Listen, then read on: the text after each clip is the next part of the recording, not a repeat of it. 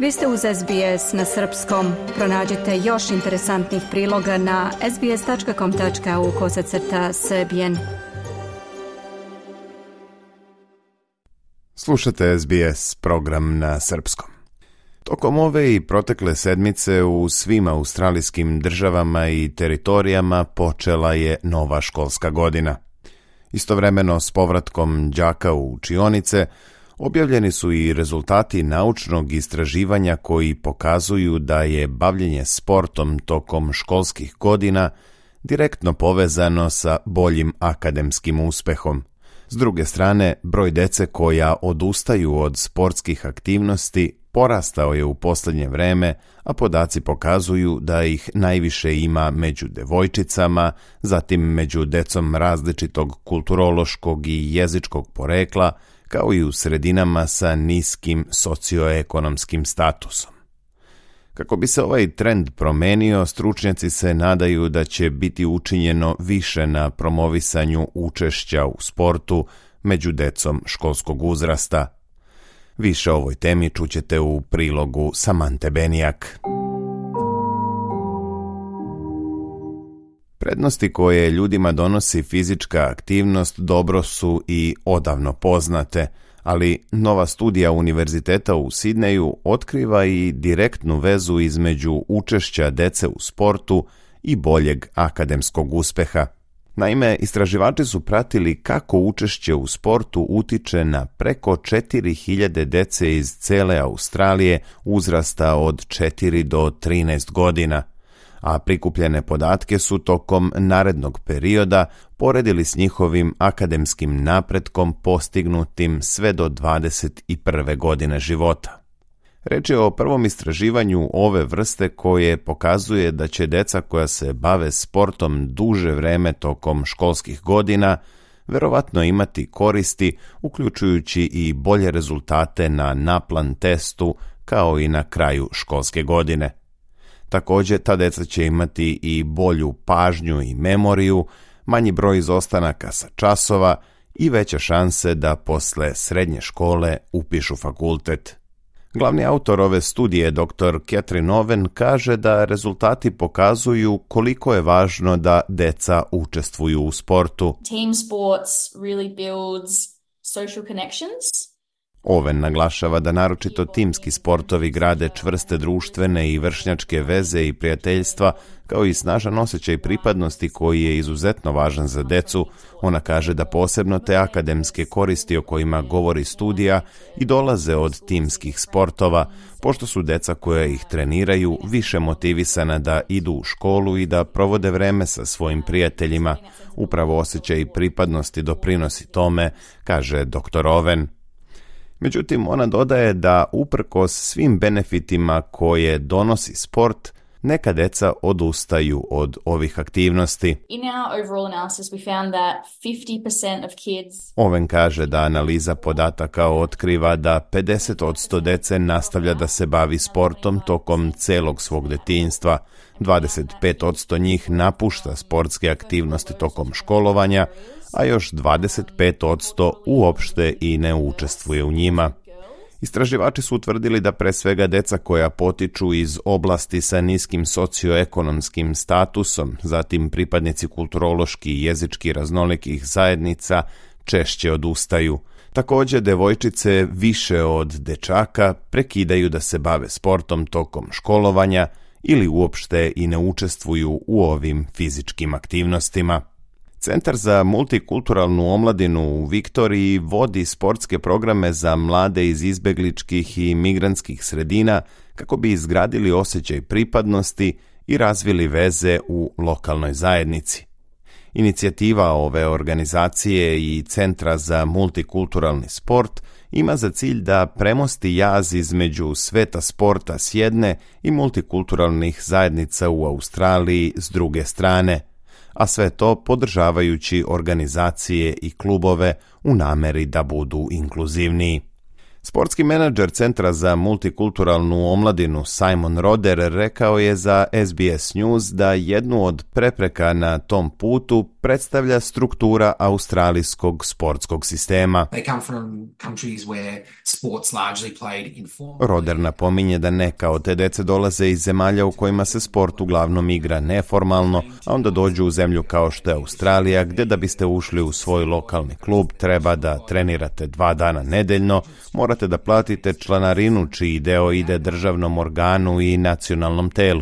On smatra da je struktura australijskog sportskog sistema rigidna i to posebno prema novim zajednicama koje imaju veće porodice, pa je bavljenje mladih sportom i veći trošak za kućni budžet. Dr. Oven kaže i da se na sportu u nekim porodicama gleda kao na manje važnu aktivnost. Nekim porodicama koje govore drugi jezik od kuće, sport možda nije prioritet, opterećeni su drugim prioritetima i fokusiraju se na neke druge stvari, a ne toliko na to da li će se njihova deca baviti sportom. Također u nekim kulturama sportske aktivnosti ne igraju važnu ulogu, objašnjava ona. Simon Roder veruje da se može učiniti mnogo više na planu privlačenja više migrantskih zajednica u sportu školama. Their priority is education. Njihov prioritet je obrazovanje i mnogi ne vide prednosti sporta, zato smatram da to treba da bude deo obrazovnog procesa u celoj zajednici, čak i u službama za naseljavanje koje također mogu da upoznaju doseljeničke porodice sa prednostima fizičkih aktivnosti, kaže Roder. Jedna od prepreka za mnoge porodice je i novac koji treba da se izdvoji da bi se deca bavila sportom. Sport can get very Dr. Ketrin kaže da sport može da bude veoma skup, posebno u vreme kada su svi troškovi života u porastu. Sport je tada niže na listi prioriteta za mnoge roditelje i neki zbog toga ispisuju svoju decu sa sportskih aktivnosti, a posebno mlade devojke tada počinju da gube interesovanje za sport. Oven dodaje da devojke naročito žele da se bave sportom iz zabave da bi bile u društvu, a kada počnu da ulaze u adolescenciju, sport na neki način postaje za njih manje društvena i zabavna opcija. Izvršna direktorka Kancelarije za sport Novog Južnog Velsa, Karen Jones, dodaje i da kod mnogih devojaka postoji problem sa fizičkim izgledom tela. Jones kaže da je univerzalna barijera za mnoge žene u svim životnim fazama osjećaj straha ili sramote da vežbaju u javnosti. Upravo taj strah od toga šta će drugi misliti ili reći, glavna je prepreka za devojke jer postoji stigma oko fizičkog izgleda ili možda lično mišljenje o sposobnostima i ispravnim životnim prioritetima, dodaje ona. Kada je reč o zaključcima studije koje je sproveo Univerzitetu u Sidneju, a koji naglašavaju specifične prednosti individualnih sjedne i timskih sportova s druge strane, Dr. Catherine Owen kaže sljedeće. Istraživanje utvrdilo da individualni sportovi donose više benefita za rezultate na plan testa pismenosti kao i za atar rezultate. S druge strane, timski sportovi su korisni za kognitivne performanse, kao što su pažnja i pamćenje, a također manja je verovatnoća da će deca koja se bave timskim sportovima izostajati iz škole. Također ova deca u većem procentu završavaju srednju školu, kaže ova naučnica. Kada je reč o ovim razlikama, dr. Oven poručuje roditeljima da je najvažnije od svega da deca uživaju u sportovima koje treniraju, bez obzira na to da li su u pitanju individualne ili timske discipline. Definitivno ima više koristi od timskih sportova, ali izbor sporta treba da zavisi od toga u čemu dete uživa, jer ako ne uživa u tome čime se bavi, neće imati iste koristi za mentalno zdravlje, kaže ona. Stručnjaci se nadaju da će ovakva istraživanja doprineti boljem opštem razumevanju kako obrazovne institucije mogu da se prilagode kako bi promovisale učešće u sportu koji poboljšava fizičko i mentalno zdravlje dece kao i njihov uspeh u obrazovanju. Također potrebno je učiniti još mnogo toga da bi se bolje razumele nesvesne predrasude u sportu i kako one utiču na zastupljenost migrantskih zajednica u sportskim aktivnostima, kaže Simon Roder iz Centra za multikulturalnu omladinu. Moramo bolje da odražavamo našu zajednicu i da razumemo da kada se stvaraju bezbedna kulturna okruženja, mnogo toga ima veze s nama, pre svega po pitanju predstave koju imamo oko sportskih klubova ili programa koje vodimo, pokušavajući recimo da smanjimo količinu alkohola koji se služi na tim mestima, stvarajući time okruženje koje je prihvatljivije za različite zajednice, naglašava Roder.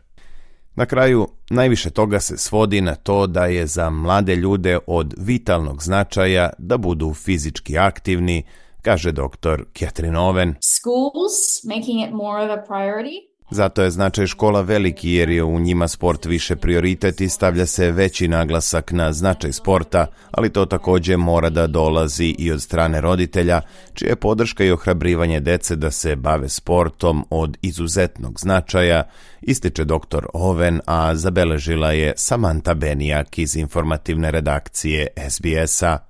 Ja sam Branko Cvetojević. Ostanite uz program na srpskom. Želite da čujete još priča poput ove? Slušajte nas na Apple Podcast, Google Podcast, Spotify ili odakle god slušate podcast.